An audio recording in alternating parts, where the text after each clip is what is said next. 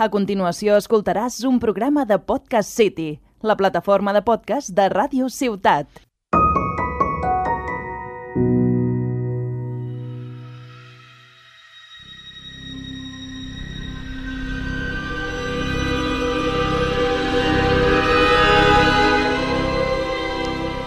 ¿Alguna vez habéis pensado que la gente que os rodea puede estar loca?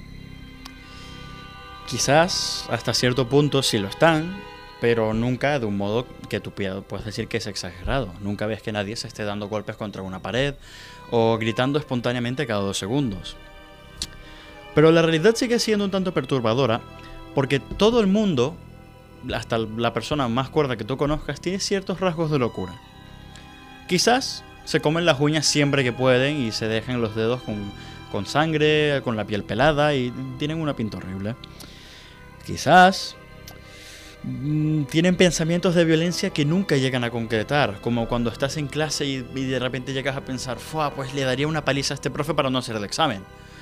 O qué rabia el niño que está llorando, es que quiero tirarlo por el balcón. Pero hay otros tipos de locura también, por ejemplo, quizás hay personas que consideran que comer pizza con piña es una buena idea. Em, pero bueno, en el episodio de hoy vamos a llevar eso al extremo. Esta realidad de que todo el mundo está loco la llevamos al extremo. ¿Y si estuviéramos rodeados de gente que está loca? No como la semana pasada donde jugábamos como un personaje que estaba loco o que, bueno, progresivamente se volvía loco. Esta semana cubrimos qué es lo que sucede cuando tú eres el único que está acuerdo y estás rodeado de puros degenerados.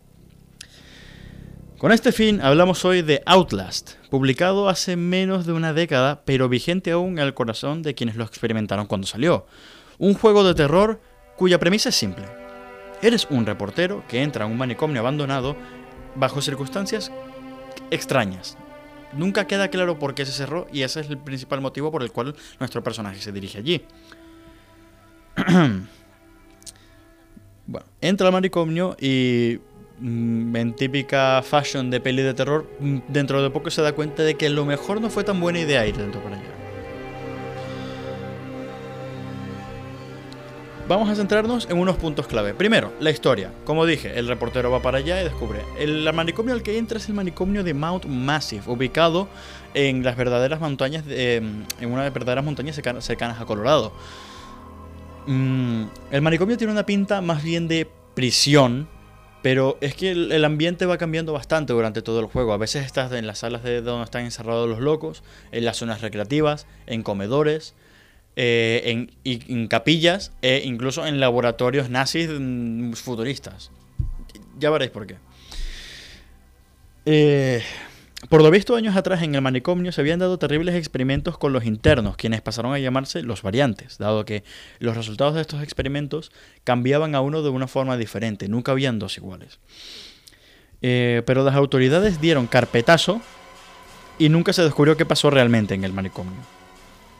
Miles, nuestro protagonista, entra por su cuenta en el recinto y descubre que varios de estos, de que, de estos prisioneros, de estos, de estos locos, eh, siguen allí con vida y que representan un peligro muy, muy grande.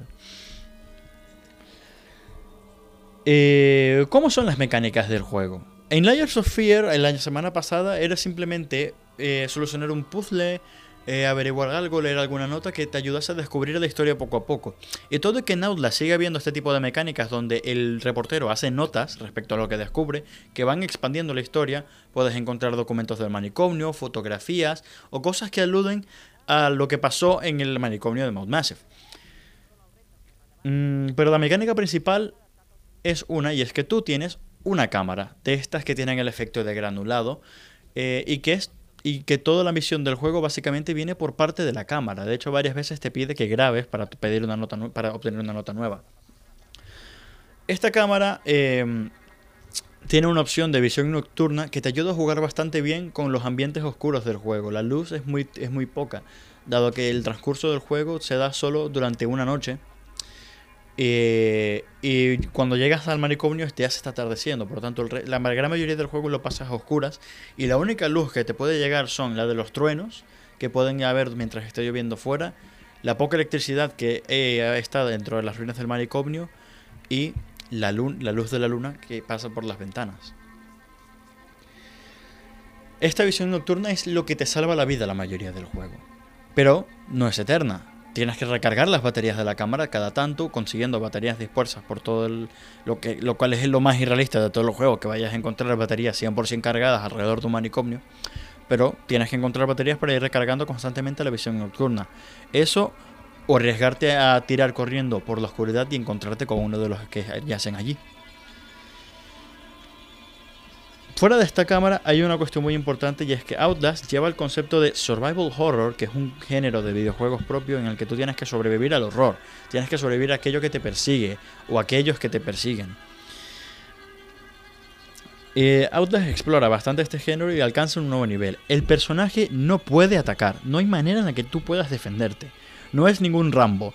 Y las monstruosidades que salen y que, te encuentras eh, solo te dan una opción y es que corras de ellos. Esconderte y como mucho, como mucho, empujar a los enemigos que te encuentras. Pero eh, mm, es la mayor ofensiva que tú tomas en contra de ellos. No tienes lanzacohetes, ni una triste pistola, ni un cuchillo, ni nada. Estamos constantemente desprotegidos frente al horror y solo tenemos esa única arma, la cámara de video, con la que podemos grabar, con la que podemos ver en la oscuridad antes de que nos vean a nosotros y que nos brinda una especie de defensa ante todo lo que encontramos. Por lo demás, solo puedes recurrir a esconderte en casilleros, bajo camas, eh, en algún hueco de la pared. Las posibilidades son infinitas, pero el punto eh, es, el mismo. No hay manera en la que tú puedas, eh, en la que tú puedas defenderte ¿no? de lo que te ataca. ¿Y qué es lo que te ataca? Bueno, son una serie de locos, enfermos mentales, cada uno de ellos sobre los cuales fueron experimentados, por lo cual puedes suponer que están incluso más trastornados de lo que ya venían antes. Pero cada uno es diferente al anterior. El terror en este juego toma diferentes formas. Por ejemplo, en el personaje de Chris Walker, uno de los primeros interinos del, sitio que te encuentras, que solía ser un guardia de seguridad sádico, que torturaba a, los que estaban dentro, y cuya mutación tras los experimentos mm, lo convirtió en un gordo gigante masivo musculoso, con una sonrisa encantadora. No te sigue por todos lados y hasta incluso hasta cerca del final del juego lo, ves repetidas veces. Es muy recurrente. Es casi, no sé, si de no ser por cosas de la historia, sería el, el, villano principal.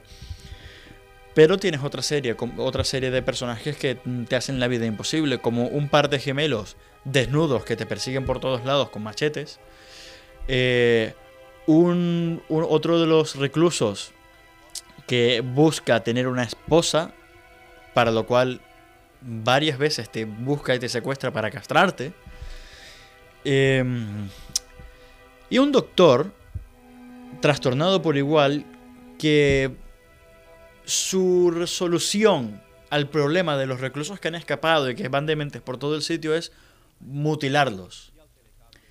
Y una frase del juego sugiere que primero mutila los dedos, que el personaje de hecho sufre e-, ese destino, en un momento le mutilen los dedos. Eh, los testículos y finalmente la lengua. ¿Por qué hacen esto? Bueno, mm, no me preguntan a mí porque los locos hacen lo que hacen. Todos estos te siguen por una serie de ambientes, que el ambiente es muy importante también. Como podéis suponer y como dije antes, los juegos de iluminación dentro de todo Outlast son muy fuertes. Pues suceden a través de rayos por la ventana, las sombras proyectadas a la distancia que ves moverse de los reclusos, que te dan una especie de aviso cuando algo se acerca. Eh, los apagones espontáneos de luces que pues, suceden más de una vez durante todo el juego. Fue la peor experiencia que tuve jugándolo. Y la labor consiste en jugar con toda esta luz y resolver los puzzles que, te encuentras, que pueden ser conseguir una llave para abrir una puerta que te permite ir al pabellón siguiente, eh, conseguir eh, un código de seguridad para abrir una puerta, o lograr mover una serie de cosas sin que te maten en el proceso para que puedas llegar a un sitio más alto y escapar por él. De vez en cuando los maníacos salen en nuestra búsqueda y debemos buscar lugares oscuros como taquillas y demás para escondernos mientras logramos completar estos objetivos.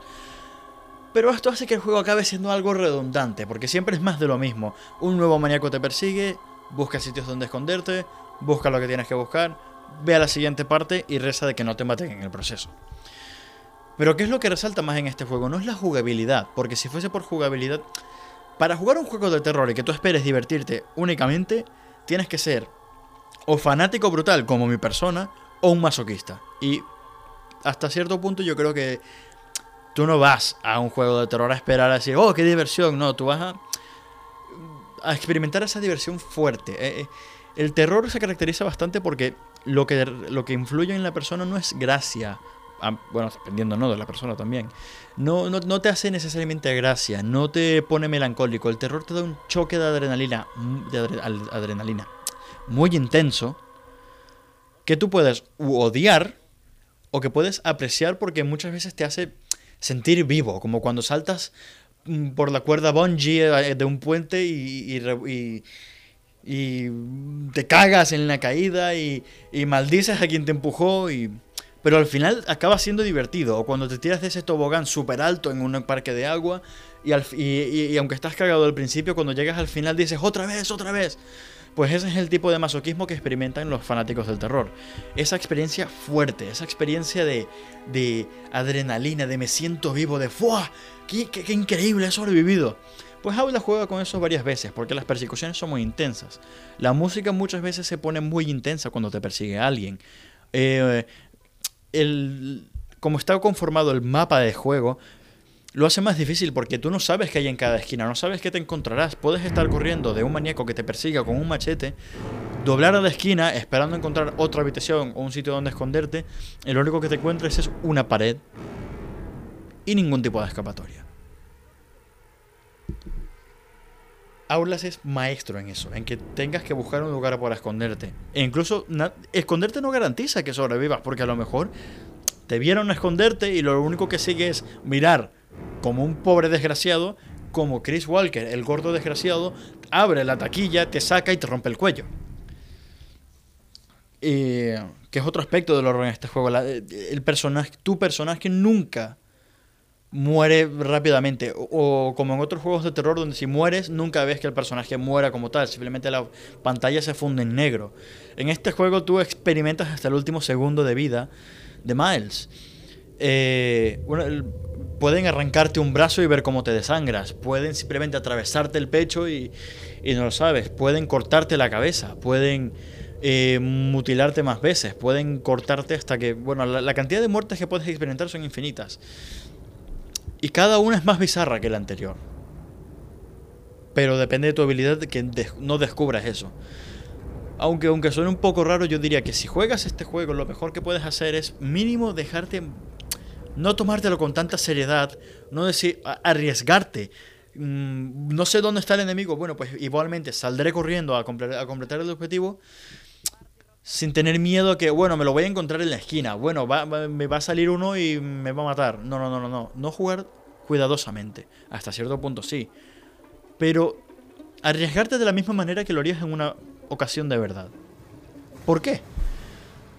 Porque así te exploras más del juego. No tiene ningún punto en, que, hay, en, que en el juego hayan programado escenas en las que puedas morir si al final nunca las experimentas.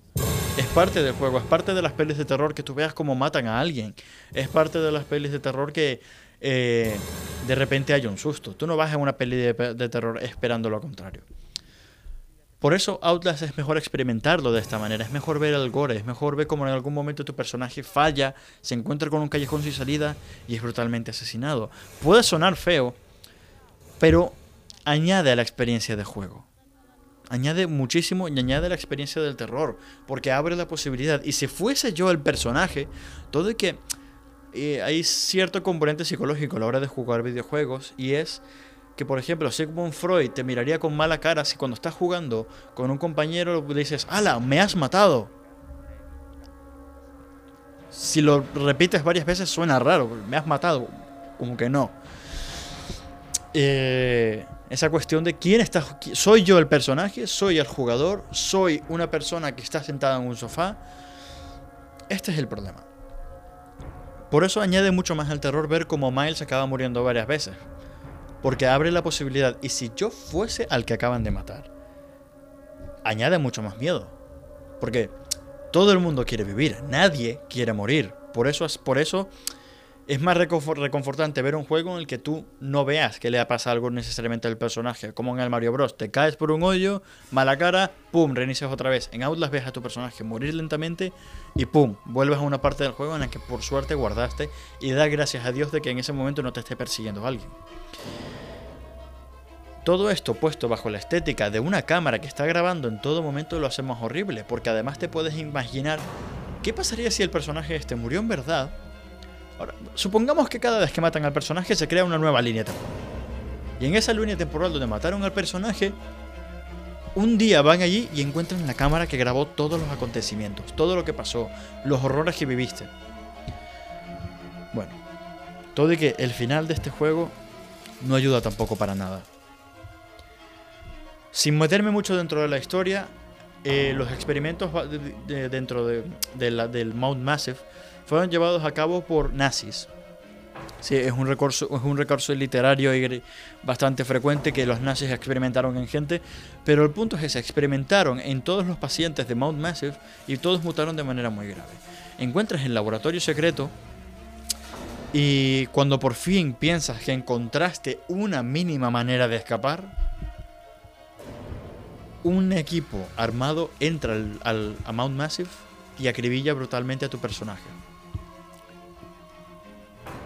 Y, esa es la historia de Miles. Toda esa travesía solo para que al final del juego acabe muriendo trágicamente. Eh, alerta de spoiler. bueno, eso en cuanto al primer Outlast, que fue el que en su momento impactó de manera increíble. Después viene una descarga de contenido que es simultánea al juego original que se llama Whistleblower. Eh, dentro del cual jugamos como otro, como el informante de Miles que lo notificó, hey, si vienes para acá, la puerta estará abierta para que tú lo investigues. Hay más cosas en el manicomio de las que te puedes imaginar. Pues tú juegas en este DLC como el informante de Miles, em, quien vive otra serie de aventuras parecidas, quien es perseguido por un, un, un maníaco caníbal, eh, también por el maníaco que buscaba tener una esposa.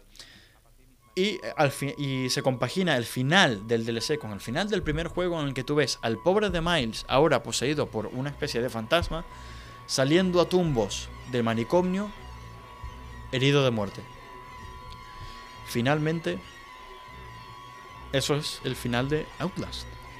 Desesperanzador. Averiguaste toda la historia y aún así no sabes qué será de Miles. No sabes si la gente sabrá qué fue lo que sucedió en Mount Massive. No sabes si los prisioneros eh, algún día hallaron consuelo. O por fin lograron escapar, por decirlo de una manera, del manicomio. Ya sea por vía de la muerte o... Bueno, es que concebir alguna otra manera es muy difícil. Hay un segundo juego de Outlast que va mm, no sobre un reportero, sino sobre una familia con una mujer embarazada que es capturada por un culto de fanáticos religiosos. Pero eso es una historia para otro día. Hoy acabamos con Outlast. Y os dejo con esta pregunta. ¿Por qué da miedo la locura? Quizás porque nosotros no la conocemos. Quizás porque si estamos rodeados de locos no entendemos qué es lo que los hace reaccionar. A lo mejor ves que una persona eh, se ríe con locura, valga el chiste, ¿no? Eh, al ver a otra sufrir, todos podemos coincidir en que esa persona está mal de la cabeza. Pero es realmente feliz al momento, puede ser, ¿no? ¿Por qué nos da miedo la locura? Si estuviésemos locos a lo mejor no, ¿no? ¿Cierto? Pero... Estamos todos locos y creo que es mejor si aceptamos eso desde un principio. La locura no es solo darse hostias contra la pared. La locura es llegar a casa y no sentir nada, es sentir que no aprendiste nada. La locura es rechazar a las personas que te rodean por una u otra razón. Viene de varias formas, pero solo aquí en este juego la ves en su máxima expresión. La locura habita en todos nosotros y nos escondemos de ella siempre. Pero como en Outlast, siempre es una carrera y en algún momento te pueden atrapar. Puede que algún día escapemos todos de Mount Massive o no. Hasta entonces, esto fue Hablamos de Terror. Has escoltat un programa de Podcast City, la plataforma de podcast de Ràdio Ciutat.